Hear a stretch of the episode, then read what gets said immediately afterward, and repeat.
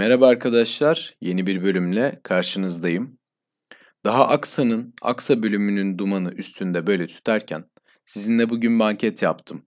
Dedim ki, e, sizinle e, bu Bors 101 kapsamında böyle çok basic bir temel analiz yaptığım e, belli bir platformda seçeceğim bir hisse üzerinden bir bölüm çekeyim mi? Dolayısıyla bu doğrultuda temel analizin ABC'sini çok kısaca görebileceğimiz bir yayın paylaşmış olayım mı?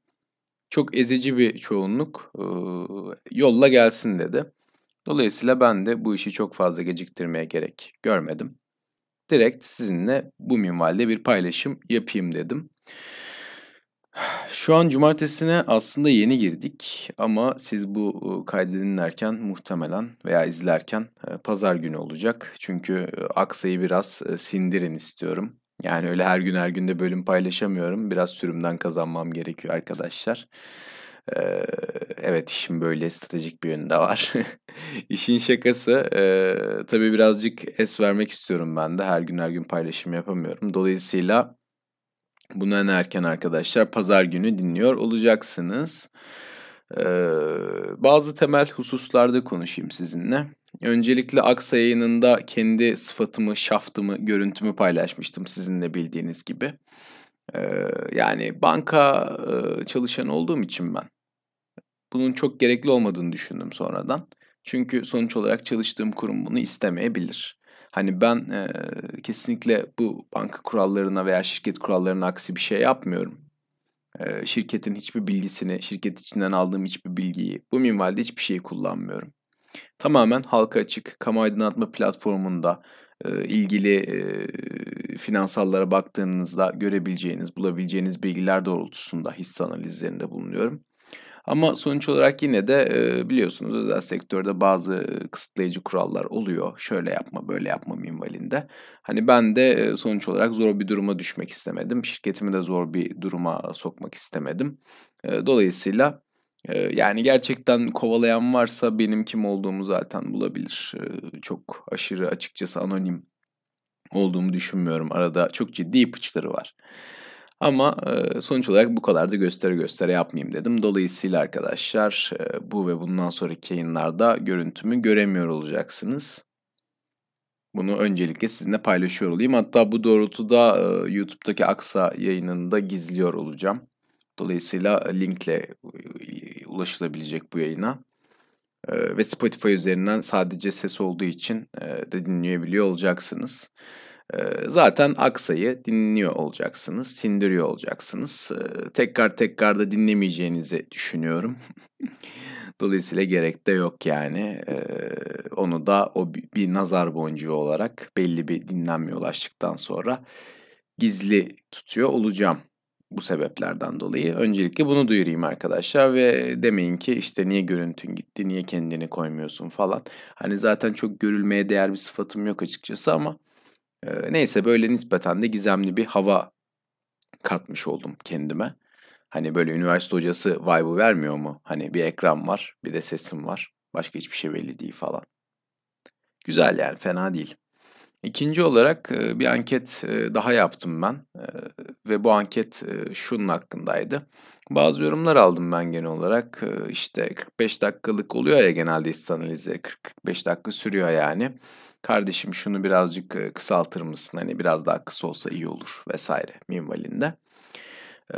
Ya ben açıkçası hisse analizlerini detaylı yapmayı sevdiğim için arkadaşlar 40-45 dakika bana da bir tık uzun gelse de verimli olduğunu düşünüyordum. Dedim ki bunu en iyisi e, sine millete dönelim, soralım halkımıza. E, ve açıkçası çok böyle düşündüğüm baskınlıkta bir süreyi azalt e, sonucu çıkmayınca yani Twitter'da bir %45-55 galiba. Instagram'da hatta daha böyle yarı yarıya gibi. Ben de inisiyatif kullandım ve süreyi azaltmamaya karar verdim. Dolayısıyla hisse analizlerinde 40-45 dakika seviyesini tekrar koruyor olacağız yani bu çizgiden devam ediyor olacağız. Tabii ki yani bir hisse çıkar. Yani bir saatte inceleriz bir hisse çıkar hiçbir anlatılacak bir şey yoktur 20 dakikada biter. Hani bunlar da olur da hani benim söylediğim noktayı siz anladınız yani kısaca.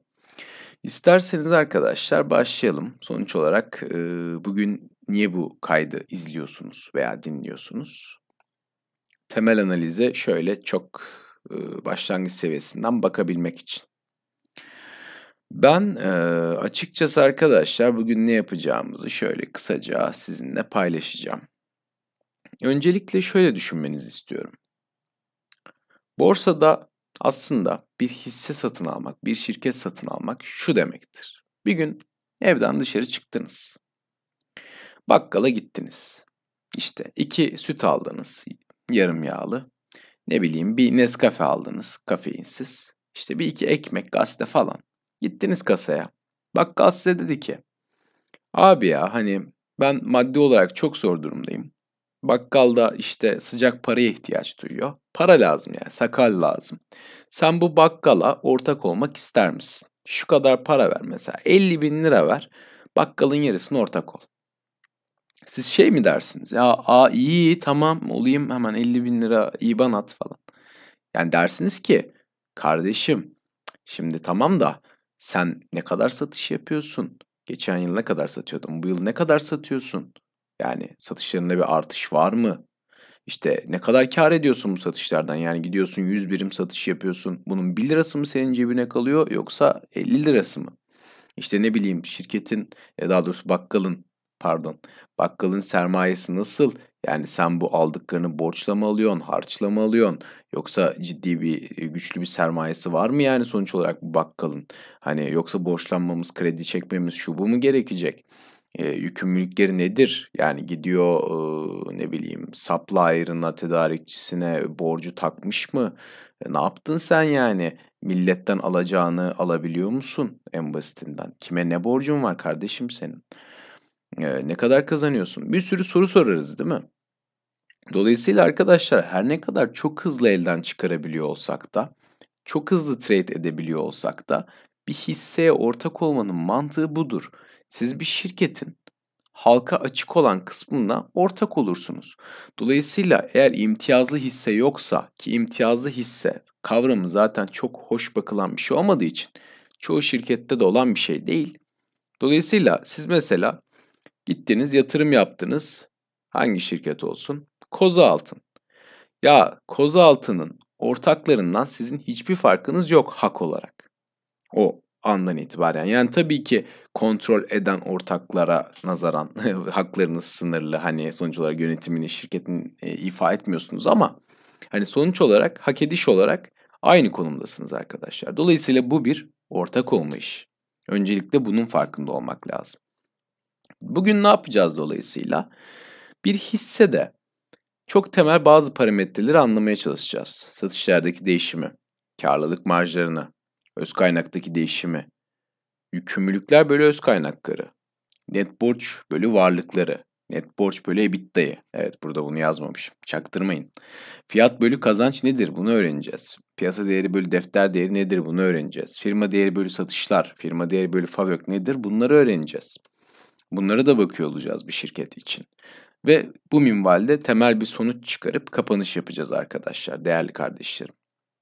Dolayısıyla benim bugün sizin için seçtiğim şirket hazır e, elinin tozuyla bugün %5,7 arttığı için Koza Altın şirketi.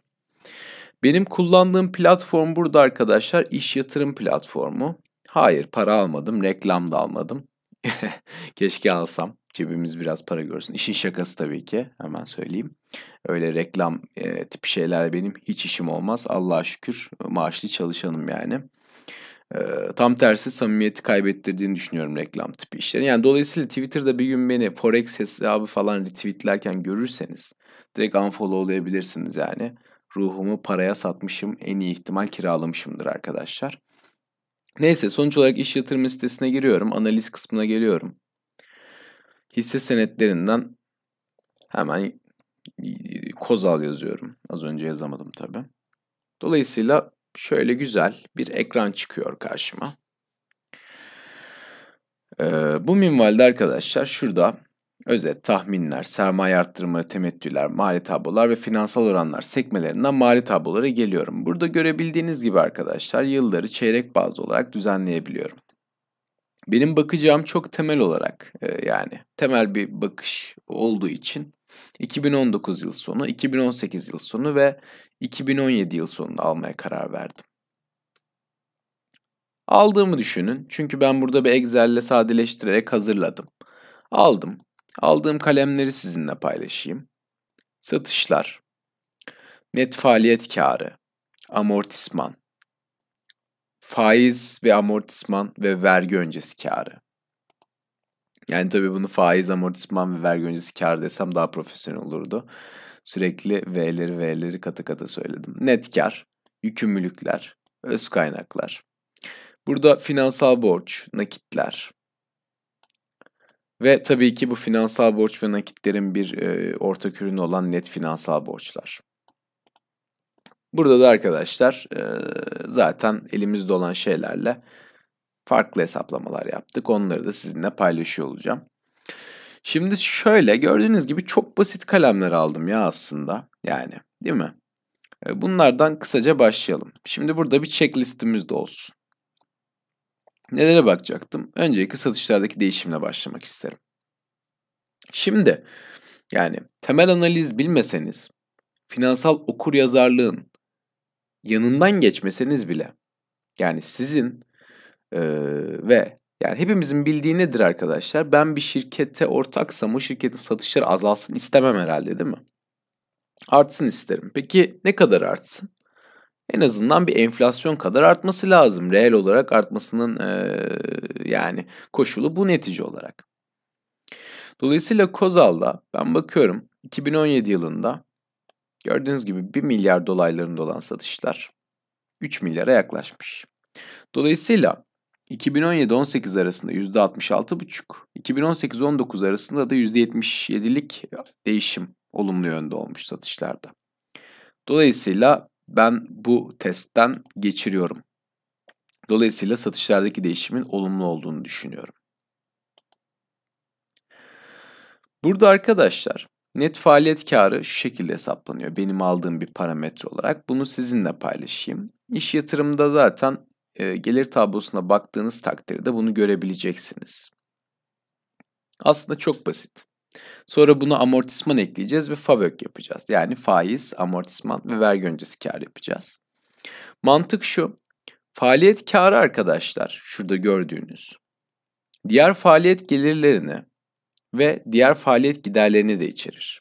Bunlar esas faaliyetlerden diğer gelirler ve esas faaliyetlerden diğer giderlerdir aslında e, gelir tablosunda. E, kamu aydınlatma platformundaki denetim raporlarını görebileceğiniz.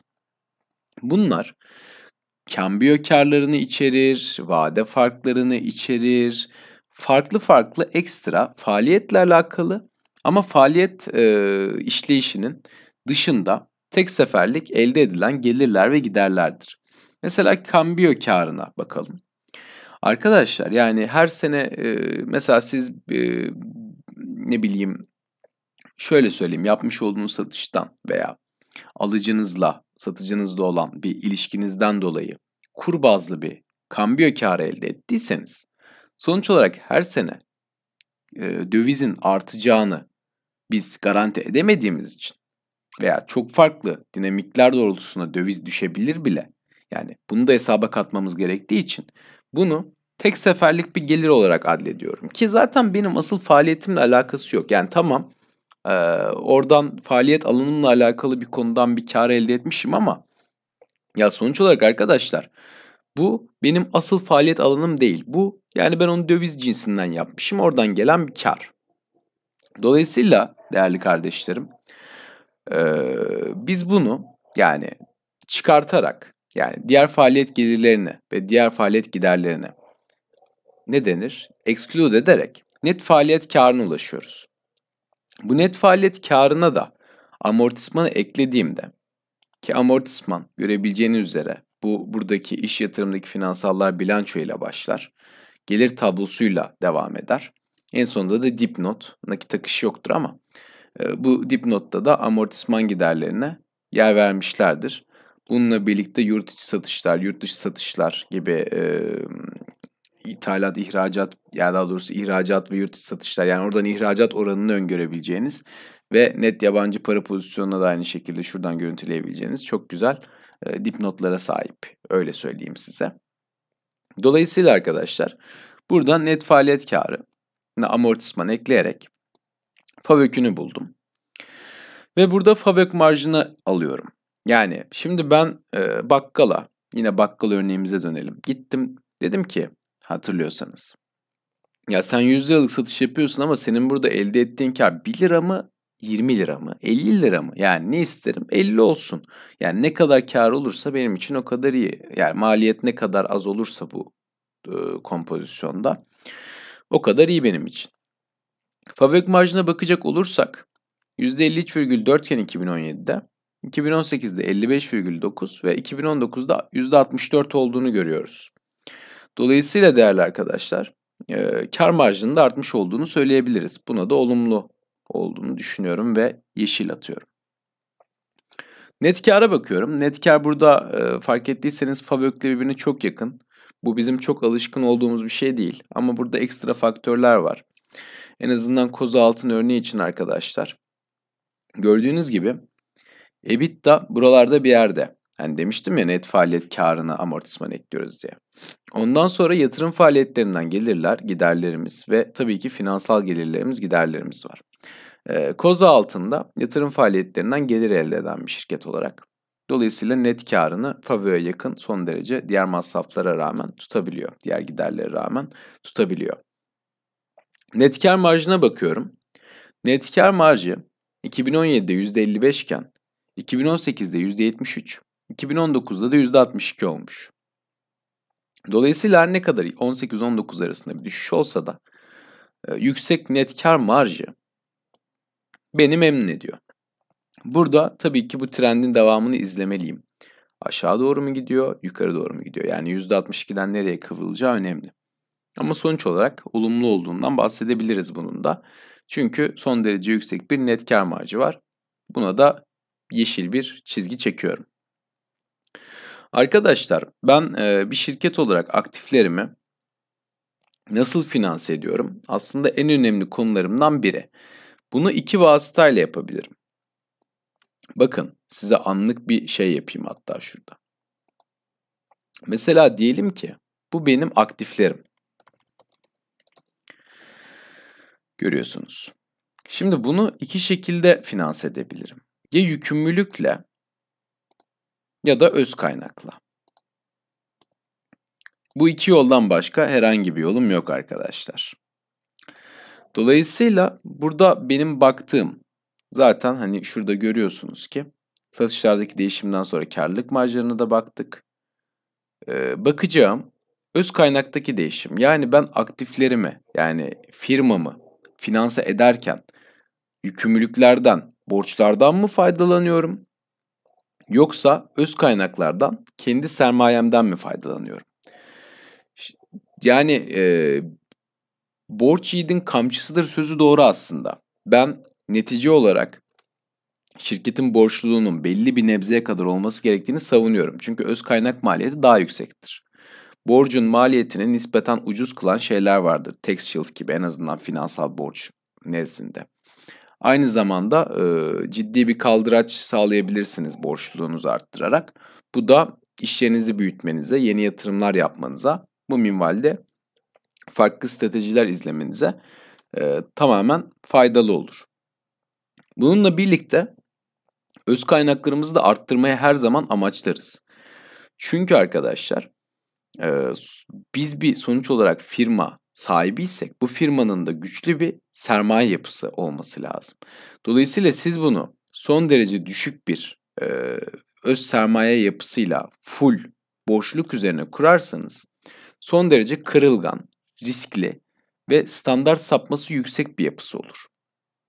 Dolayısıyla ben her türlü öz kaynağın artmasını isterim. Gerekirse borcumu alırım, yine kaldırıcımı yaparım, aktiflerim daha çok artmış olur. Ama bu öz kaynakları art, arttırmamam için yani öz kaynakların artıyor olduğunu görmeyi istememem için geç, kesinlikle geçerli bir sebep değil. Baktığımda koza altının öz kaynaklarına 2017-18 arasında %42, 2018-19 arasında da %45 artmış olduğunu görüyorum. Bu yine enflasyondan oldukça yukarıda bir tutar. Oldukça yukarıda bir yüzde. Dolayısıyla bu hususta da benim görüşüm olumlu arkadaşlar. Şimdilik iyi gidiyor değil mi şirket? Şimdilik iyi bir sınav veriyor. Dolayısıyla öz kaynaktaki değişimi de şöyle tikledim. Yükümlülükler böyle öz kaynaklar. Gelelim konumuza. Şimdi burada çizdiğim şekilde aktifleri yükümlülüklerle ve öz kaynaklarla finanse edeceğiz. Ee, burada bizim yükümlülükler böyle öz kaynaklarımızın 2'nin çok da üstünde olmamasını isteriz. Size anlatmış olduğum sebeplerden mütevellit. Ama koza altın birazcık enteresan bir örnek. Gördüğünüz gibi arkadaşlar koza altının yükümlülükleri çok az ve öz kaynakları da son derece hızlı artıyor. Dolayısıyla zaten koza altın aslında bu hususlarda kafası rahat bir şirket. Dolayısıyla yükümlülükler böyle öz kaynakları son derece düşük. Dolayısıyla aktiflerini, firmasını öz kaynaklarıyla finanse etmeyi tercih ediyor. Yani borçluluk namına bir şey olmadığını söyleyebiliriz. Yükümlülüğü neredeyse e, yok gibi öz kaynaklarına nazaran bir rasyo bulmak istediğimizde. Dolayısıyla bunun da olumlu olduğunu düşünüyorum ben. Tabii ki arttırılabilir. Düzgün düzgün yatırımlar, düzgün kapasite artışları, e, düzgün masraflar yapılacaksa çok rahat bir şekilde kaldıracını da arttırabilecek potansiyelde. Bu da benim nezdimde olumlu.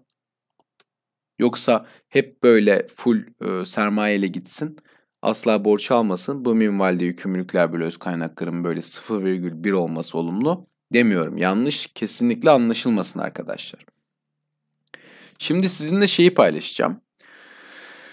Şirketin net finansal borcunu nasıl buluyoruz? Ya burada şöyle bir kafa karışıklığı var. Size ondan bahsedeyim. Ben özellikle bu FinTables'ın e, bilanço paylaşımlarının altında çok gördüm bu muhabbeti. Şimdi benim net finansal borcum eksi 500 diyelim. Bu benim için olumlu mu olumsuz mu? Benim borcum var mı yok mu? Yok arkadaşlar. Eğer cevabınız evet olduysa bu hususta siz de bir kafa karışıklığı yaşıyorsunuz demektir. Bunu şöyle bir örnek üzerinden düşünelim. Diyelim ki ben Oğulcan Limited olarak örnek veriyorum. 500 milyon lira borca sahip. Benim de 100 lira nakitim var aynı zamanda ama. Dolayısıyla benim net finansal borcum ne olur sizce?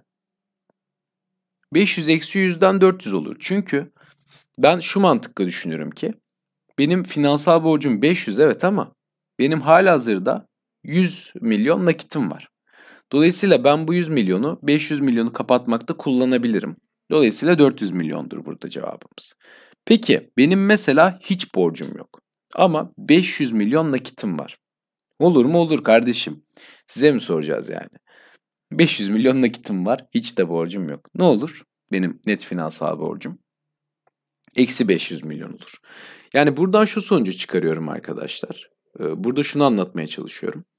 Eğer net finansal borç eksi ise bizim nakitimiz e, finansal borcumuzdan daha fazla demektir. Bunu kapatıyor net finansal borcunu yani üstüne para da kalıyor demektir. Bunun da ben şahsen e, olumlu olduğunu düşünüyorum. Çünkü şirketin herhangi bir borçluğu yok. Borçlanmak için oldukça geniş bir ruhuma sahip olduğunu söyleyebiliyorum. Dolayısıyla net finansal borç bölü varlıklara bakacak olursak değerli arkadaşlar. Burada görüyorsunuz zaten. Burada eksilerde olduğunu görüyoruz. Dolayısıyla ya hani şöyle diyebilirdik mesela. Net finansal borç bölü varlıklar 2 idi, 4 oldu, sonra da 8 oldu. İyi mi kötü mü? Kötü derdim çünkü varlıkların üzerindeki borç miktarı artıyor. Ama burada tabii eksi olduğu için bu minvalde sadece olumlu olduğunu söylemek yetinip buraya geçiyorum. Buna da işle atıyorum yani. Net finansal borç bölü FAVÖK'isi arkadaşlar biraz ödeyebilme kapasitesiyle alakalı. Şöyle ki benim net finansal borcumu yani finansal borcumdan nakitlerimi çıkardığımda kalan tutarı FAVÖK'le yani faiz, amortisman ve vergi öncesi karımla kaç senede ödeyebildiğimi gösteriyor aslında. Burada yine eksi olduğu için e, olumlu olduğunu söyleyip hayatımıza devam edebiliriz. Ama ben burada şöyle bir örnek de yapayım. Mesela net finansal borç bölü fav 3'tü. 2018'de 5 oldu. 2019'da 15 oldu. İyi mi kötü mü? Kötü. Neden? Çünkü ben en başta finansal borcumu nakitim olduğu kadarını kapatıp üstüne favöümle 3 senede ödeyebiliyorken 2019'da bu attığım tutarlarla 15 sene olmuş. Dolayısıyla borcumu ödeyebilme kapasitemin ciddi bir derecede azalmış olduğunu söyleyebilirim. Dolayısıyla arkadaşlar bu ikisine de baktık. Neyse neticede e, bu sınavı da Kozal geçmiş oldu zaten. Dolayısıyla benim bu taraftaki işim bitti. Dolayısıyla çok temel bazı parametreleri ben anlamış oldum. Şimdi Excel tarafından tekrar iş yatırımın özet kısmına geliyorum arkadaşlar. Şimdi burada hemen iniyoruz aşağıya doğru. Özet finansal göstergeler var sizin de gördüğünüz gibi. Burada bunu mesela 2019 yapıyorum. İşte satışları görüyorum, FAVÖK görüyorum, net kar görüyorum. Gördüğünüz gibi değerli arkadaşlar. Zaten mesela burada bakacak olursanız ben mesela FAVÖK 2019 kesişimine bir bakın. 1822 yani 1, mil, 1 milyar 822 milyon olarak almışım FAVÖK'ünü. Burada bakıyorum 1 milyar 823 milyon. Yani oradaki tutar da artık sadakamız olsun yani. Dolayısıyla gördüğünüz gibi rakamlar da tutarlı aynı şekilde değerli arkadaşlarım. Burada e, 4 tane önemli rasyoyu sizinle birlikte konuşuyor olacağız. O zaman en basitinden başlayalım. En çok duyulanlardan biri olan aynı zamanda fiyat bölü kazanç. Ya fiyat bölü fiyat bölü kazanç bana aslında kısaca şunu gösteriyor ki benim mesela 10 liralık bir hissem var. Tamam mı? Bunun 2 liralık yani hisseye düşen net kar tutarı 2 liraysa benim fiyat bölü kazancım 5 olur. Yani aslında şunu gösteriyor ki amortisman mantığı, amorti etme mantığıyla daha doğrusu bakacak olursak ben hisseye seken, hisseye isabet eden net karla o hisseyi ne kadar sürede satın alabilirim, ne kadar sürede amorti edebilirim? Yani az önceki örnekte 10'a 2 idi değil mi? 10 liraydı hisse fiyatı, 2 liraydı seken tutar. 5 senede her sene 2 liralık bir net kar olursa şirket e, hisseye vuran ve fiyat da sabit kalırsa 5 senede ben o elimdeki hisseyi aslında hisseye seken, isabet eden karlarla alabiliyor konumda olacağım. Dolayısıyla ben burada sizce fiyat bölü kazancın düşük olmasını mı isterim, yüksek olmasını mı isterim? Tabii ki düşük olmasını isterim. Çünkü arkadaşlar yani ne kadar kısa sürede ben amorti edebilirsem o kadar iyidir. Bunun çok temel bir mantığı var. Dolayısıyla burada biraz şunu da düşünebilirsiniz. Bir hisseye e, isabet eden 1 lira ne kadara fiyatlanıyor gibi de düşünebilirsiniz fiyat bölü kazancı. Dolayısıyla 2 liradan fiyatlanması mı daha iyi sizce? 6,9 mu mesela? Veya 6,9'dan fiyatlanması mı daha iyi? Yoksa 15 mi? Burada her zaman daha düşük olanını düşünebiliriz. No, söylemek istediğim aslında bir şey var burada ama bunu en sonunda söylemeyi tercih edeceğim. Çünkü tüm bu oranlar için aslında aynı genel uyarıyı yapmak istiyorum. Firma değeri bölü satışlardan giderim. Arkadaşlar firma değeri bölü satışlar çok basit olarak e, şirketin e, sermayesinin piyasa değerinden e, e, yani şöyle söyleyeyim şirketin e, sermayesinin piyasa değerine net finansal borcu eklediğinizde çıkan tutar. Dolayısıyla firma değeri bölü satışlar olsun, firma değeri bölü fabrik olsun yine şu mantık olur. Firma değerini genel olarak firmanın varlıklar kısmı olarak düşünün. Çok temel. Yani şurada aktifler kısmı olarak düşünün.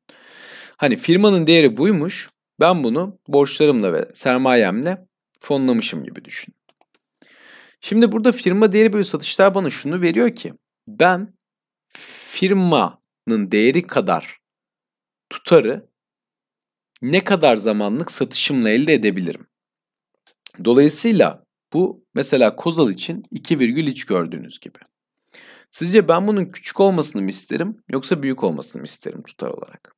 Yani. Yani ben firma değerine 10 yıllık satışımla mı ulaşayım yoksa 2,3 yıllık mı?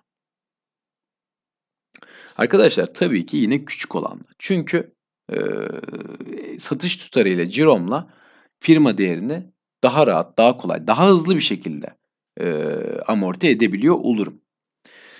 Bununla birlikte şunu da gösteriyor bu bence bir yandan da. Firma değeri ne kadar satışlara yakın olursa aslında o kadar küçük cüssesiyle şirketin büyük işler başardığını, büyük cirolar elde ettiğini, firma değeri bölü FAVÖK nezdinde bakacak olursak da büyük karlar elde etmiş olduğunu. Dolayısıyla efficient yani efektif bir şekilde hareket etmiş olduğunu görüntülüyoruz. Firma değeri bölü FAVÖK'te de aynı hikaye var. Ben yani diyorum ki mesela e, Kozal'ın eğer firma değeri bölü FAVÖK'ü 3,6 ise ben burada firmayı firmanın varlık kısmını 3,6 yıllık faiz amortisman ve vergi öncesi karımla alabilirim. Dolayısıyla ben bunun küçük olması, bunun da küçük olması taraftarıyım. Her zaman bunun küçük olmasını isterim. Çünkü o kadar çabuk firmayı e, çok hani kabaca söylüyorum satın alabiliyor konuma geleceğim. Dolayısıyla firma değeri FAVÖK diyelim ki 35. Yani orada derim ki ya firmanın değerini elde ettiği karlara nazaran bu kadar yüksekten fiyatlayan, bu kadar yüksek bir çıta koyan ne olmuş olabilir diye bir düşünürsünüz yani. Piyasa değeri bölü defter değeri de arkadaşlar. Hemen şu görseli tekrar açıyorum Excel üzerinde. Bakın defter değeri budur. Çok net. Öz kaynaklar görüyor musunuz burayı? Öz kaynaklar dediğiniz şey arkadaşlar öz sermaye. Yani şirketin aslında genel bak genel bakışta bakacak olursanız sermayesi ortakların tuttuğu tutardır. Dolayısıyla kısaca şunu söyleyeyim size. Ee, burada defter değeri tutarı şu şekilde hesaplanır. Bu öz kaynakları toplam hisse senedi sayısına bölersiniz. Orada hisse senedi başına mesela 5 liralık bir tutar düşerse defter değeri hissenin odur. Ama tabii ki burada 5 lira olması borsada 5 lira olarak fiyatlanacağı anlamına gelmez. Diyelim ki 10 lirayla fiyatlanmış. Mesela şurada geldim gördüm 5 lira tamam mı? Şuraya geldim hışımla çıktım şurada 10 lira yazıyor. Bu bana neyi ifade eder arkadaşlar? Şirketin piyasa tarafından iki katı kadar fiyatlandığını ve defter yani bilançoda yer alan tutarın iki katı kadar paha biçilmiş olduğunu o şirketin sermayesini gösterir. Dolayısıyla burada e, şirketin hakkında, şirketin yapacağı faaliyetler hakkında gelecek yönlü, e, olumlu beklentiler olduğundan söz edebiliriz. Çünkü şunu da biliyorum ki piyasa değeri bölü defter değerinin büyük olması şirket hakkında optimistik bir bakış açısı olduğunu gösterir. Tam tersi eğer defter değeri piyasa değerinden büyükse yani piyasa hisseye öz kaynaklarının bilançodaki değeri kadar bile aslında paha biçmiyorsa burada da pesimistik bir görünüm olduğunu söyleyebiliriz. Bunlar genelde bir mantıkla, geleceksel bir beklentiyle uyuşur arkadaşlar. Dolayısıyla şöyle bir mantık yoktur. Mesela piyasa değeri bölü defter değeri 0,5 diyelim. Aa bakın finansalından, bilançosundan çok daha ucuza işlem görüyor.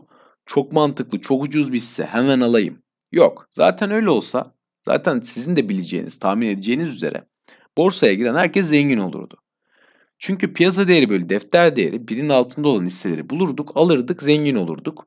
Ee, şu an yani benim de zaten bu kaydı alıyor olmama gerek kalmazdı. Çünkü zaten herkes işi çözmüş olurdu arkadaşlar. Bir süreye bakayım hemen. Güzel, çok rayında ilerliyor. Ee, ben şöyle bir uyarı yapmak istiyorum. Şimdi bu çarpanları gördünüz değil mi? Fiyat kazanca baktık. Piyasa değeri bölü defter değerine baktık. Firma değeri bölü satışlara baktık. Firma değeri bölü FAVÖ'ye baktık. Burada bunların hepsinin ortak noktası şudur ki arkadaşlar. Bunların hepsini sektörel bazlı makroekonomik bazlı da incelemeniz gerekiyor. Yani sadece şunu demek değil yani. Piyasa değeri bölü defter değeri mesela 6 çok pahalı. Almıyorum çizdim geçtim hayatıma devam ettim. Bunu diyemeyiz arkadaşlar. Çünkü en basitinden e, BİM anonim şirketi son derece iyi bir şirket. Son derece potansiyeli olan bir şirket ve piyasa değeri bölü defter değeri hep yüksekten fiyatlanmış. 5, 6, 7, 10. Yani dolayısıyla e, en basitinden bir şirketin piyasa değeri bölü defter değerinin büyük olması, fiyat kazancının büyük olması, firma değeri bölü satışlar, firma değeri bölü fabrik büyük olması kötü olduğu anlamına gelmez. Orada özellikle sektörün çok belirleyici olduğunu söyleyebiliriz. Mesela geleceksel beklentiler yüksek olduğu için mesela orada price bölü earnings bölü growth olarak bakabiliriz arkadaşlar. Ee, yazılım şirketlerinin fiyat kazanç oranları genelde yüksektir. Çünkü net karın yüzdesi olarak ciddi bir artışını fiyatlıyordur piyasa. Veya piyasa değeri bölü defter değeri bankaların şu an piyasa değeri bölü defter değeri düşük. Çünkü bankacılık endeksi ciddi bir baskı altında. Yakın zamanda toparlanması beklenmiyor. Evet arkadaşlar o yüzden piyasa e, bilançodaki rakam kadar bile sermayesine bankaların bir paha biçmiyor. Hatta yarısı kadar bir paha biçiyor. Dolayısıyla baktığınızda firma değeri bölü FAVÖK. Ya arkadaşlar aynı alanda sektörde faaliyet gösteren bir Froto var, bir Toaso var. Böyle deyince de komik oldu ama şöyle diyelim. Froto nedir? Hadi bakın bakalım hemen. Ford Otosan gördüğünüz gibi. Mesela bir bakalım hemen firma değeri bölü FAVÖ'ne. Aklınızda tutun tamam mı? 2019 için bakıyor olacağım yine. 13,2. Aynı şekilde TOFAŞ'a da bakalım. Neydi? 13,2 miydi? Ha. 13,2 TOFAŞ'a da bakıyorum. 2019 için hemen geldim. 7,2. Dolayısıyla burada bu oranların arasındaki farklılık TOFAŞ lehine, TOFAŞ'ın fiyat e, firma değeri bölü FAVÖ'nün daha düşük olması arkadaşlar Ford Otosan'ın daha kötü bir şirket olduğu, alınmayacak bir şirket olduğu, Ford Otosan'la Tofaş arasında kalındığında direkt gözünüz kapalı Tofaş'ı almanız gerektiği anlamına da gelmiyor. Çünkü burada çok farklı beklentiler, çok farklı çarpanlar aynı şekilde işlem görüyor ve bu bağlamda fiyatlanıyor. Bu zaten bu kadar yüzeysel bir çarpanla iki çarpanla bizim görebileceğimiz bir işlem olsaydı çözülmesi, öngörülmesi de çok kolay olurdu. Dolayısıyla mesela ben size şunu göstermek isterim. Bence çok iyiydi yani. Jordan Cameron'ın bir tweet'i vardı arkadaşlar. Brisa ve Goodyear'ı kıyaslamıştı FinTables. Burada son derece mantıklı bir yorum yapmıştı. Gördüğünüz gibi burada hani baktığınızda hepsinde Brisa daha iyi e, çıkıyor. Bakıyorsunuz. Daha pardon çok özür dilerim. Goodyear daha iyi çıkıyor. Fiyat kazancı daha düşük. E, firma değeri bölü favori daha düşük. Piyasa değeri bölü defter değeri daha düşük. E, yani görüyorsunuz net borç bölü favori daha düşük. Şu firma değeri bölü S serbest nakit ya şunu çözemedim şunun ne olduğunu. Sonuç olarak burada gördüğünüz gibi nedenleri var. En başta net kar büyüme beklentileri farklı. Brisa rekabet üstünlüğü yüksek bir şirket oldu. Brüt kar marjını %30'lara taşıdı. Temettü ve öngörülebilirlik ve istikrar açısından Brisa daha iyi. Ya ve hani bağladığı yer şu ki aslanla kediyi kıyaslamak yanıltabilir. Dolayısıyla bu çarpanları direkt aynı sektörde olan şirketlere kıyaslayarak e, şu daha iyiymiş, şu daha kötüymüş demek size %100 doğru bir fikir vermeyebilir. Ya ben şunu savunurum. Bir insight verir, bir fikir verir. Yani bir yorum yapabilirsiniz onun hakkında. Ama psikolojik olsun, rasyonel olsun, e, istikrar amacıyla olabilir, beklentisel farklılıklar olabilir. Yani çok şirketin hikayesi bazlı olabilir. O kadar farklı sebepleri olabilir ki farklı çarpanlarla fiyatlanmasın. Dolayısıyla bu bu kadar tek yönlü ele alınabilecek bir olay değil. Ama biz burada temel bir e, analiz yapmayı yani basic bir temel analiz yapmayı aslında benim e, bölümü isimlendirdiğim şekilde temel analizin ABC'sini öğrenmeye başladık değerli arkadaşlar. Dolayısıyla artık baktığınızda Mesela amcaoğlunuz geldi. Size bir hisse sordu. Dedi ki ne olsun? Marshall boya nasıl? Siz burada girersiniz iş yatırımı. Mesela geldik.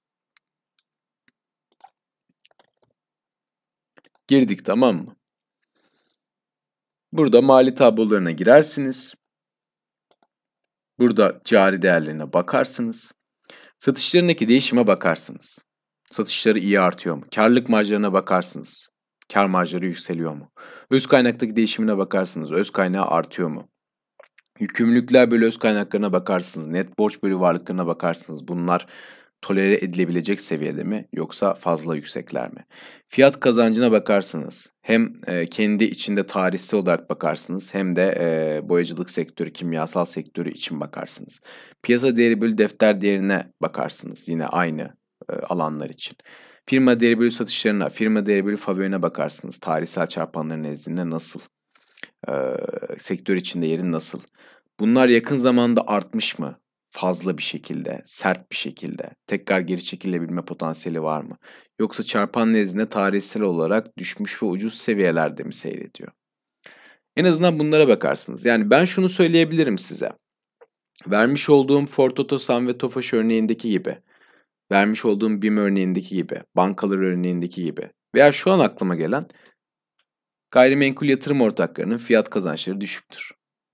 Yani bilmiyorum gayrimenkul yatırım ortaklarının fiyat kazancı neden düşük? Bu çok ayrı bir tartışma konusu. Çok da uzun bir tartışma konusu olur. Ama return on equity'leri vesaire de yüksektir. Ama hiçbir zaman o fiyatlardan aa çok ucuz fiyat kazançları aşırı düşük. Yani şu olmaz. Evet e, XGEO'nun fiyat kazancı 3. İşte mesela e, logo yazılımın 15. 5 katına çıkar. Yani öyle bir dünya yok. Sektörleri farklı, ligleri farklı, MCAP'leri farklı, yani geleceksel beklentileri farklı, iş modelleri farklı. Bir tutamazsın. Yani Jordan Cameron'ın aslan kedisi gibi bile olmaz. Onların en azından ikisi de lastikçi. Burada ne olur biliyor musunuz? Aslanla Aslanla piyano olur yani hani. Ne alaka dersiniz. Ama sonuç olarak size hangi hisseleri almamanız gerektiğini söyler. Hissenin sağlığı, durumu hakkında bir e, en azından bir insight, ilk bakışta görebileceğiniz şeylere verir. Ve bu doğrultuda bir temel analiz yapmış olursunuz. Hangi hisselerden kaçmanız gerektiğini, hangi hisselere yaklaşabilme potansiyeliniz olduğunu görürsünüz. Ve Bunları kestirdikten sonra da kendinizi geliştirerek daha düzgün bir şekilde temel analiz yapmaya başlarsınız. Yani daha düzgünden kastım daha da detaylandırarak, daha tarihsel mesela 5 yıllık ortalamalarını inceleyerek, artık verimlilik oranları ekleyerek yeni olur, nakit akışları hakkında parametreler üreterek olur. Bundan sonrası tamamen sizin oyun alanınız, sizin hayatınız her yerinde bir yoğurt yiyişi var yani. Bazı insanlar bazı parametrelere bakar, bazılarına bakmaz. Bunu da zamanla sizin kendiniz keşfetmeniz gerekiyor. Ve bu minvalde daha profesyonel bir temel analiz yapıp şirketi iyi okuyup geçmişini, geleceğini, şu anını bu doğrultuda alım yapıp yapmamak size kalmış olur diyebiliriz. Benim sadece bu yayında göstermek istediğim çok temel bir temel analiz yapıp çok basic bir analiz vasıtasıyla e, ufak bir şablona, ufak bir timetable'a, plana bağlı kalarak bir şirket hakkında çok temel fikir sahibi olabilmekte aslında. Beni dinlediğiniz için çok teşekkür ederim. Umarım faydalı olmuştur bu yayın. Bu yayın ikinci alışım aslında. İlk alışımda mikrofonu ağzıma çok fazla yakın tuttuğum için sürekli şlap şlap böyle ağzımı şapırdatıyorum, şey yapıyorum, nefes alıyorum, hepsi duyuluyor. Hoşuma gitmedi açıkçası. O yüzden tekrar aldım. Ama bu sefer de önceki yayın 35 dakikaydı, bu 45 dakika. Yani 80 dakikadır konuşuyorum. Artık baygınlık geçireceğim yani. Dolayısıyla ses tonumda biraz bıkkın olabilir. Umarım kusuruma bakmazsınız. Çok teşekkür ediyorum dinlediğiniz için. İyi akşamlar diliyorum. Yeni bölümde görüşmek üzere tekrardan.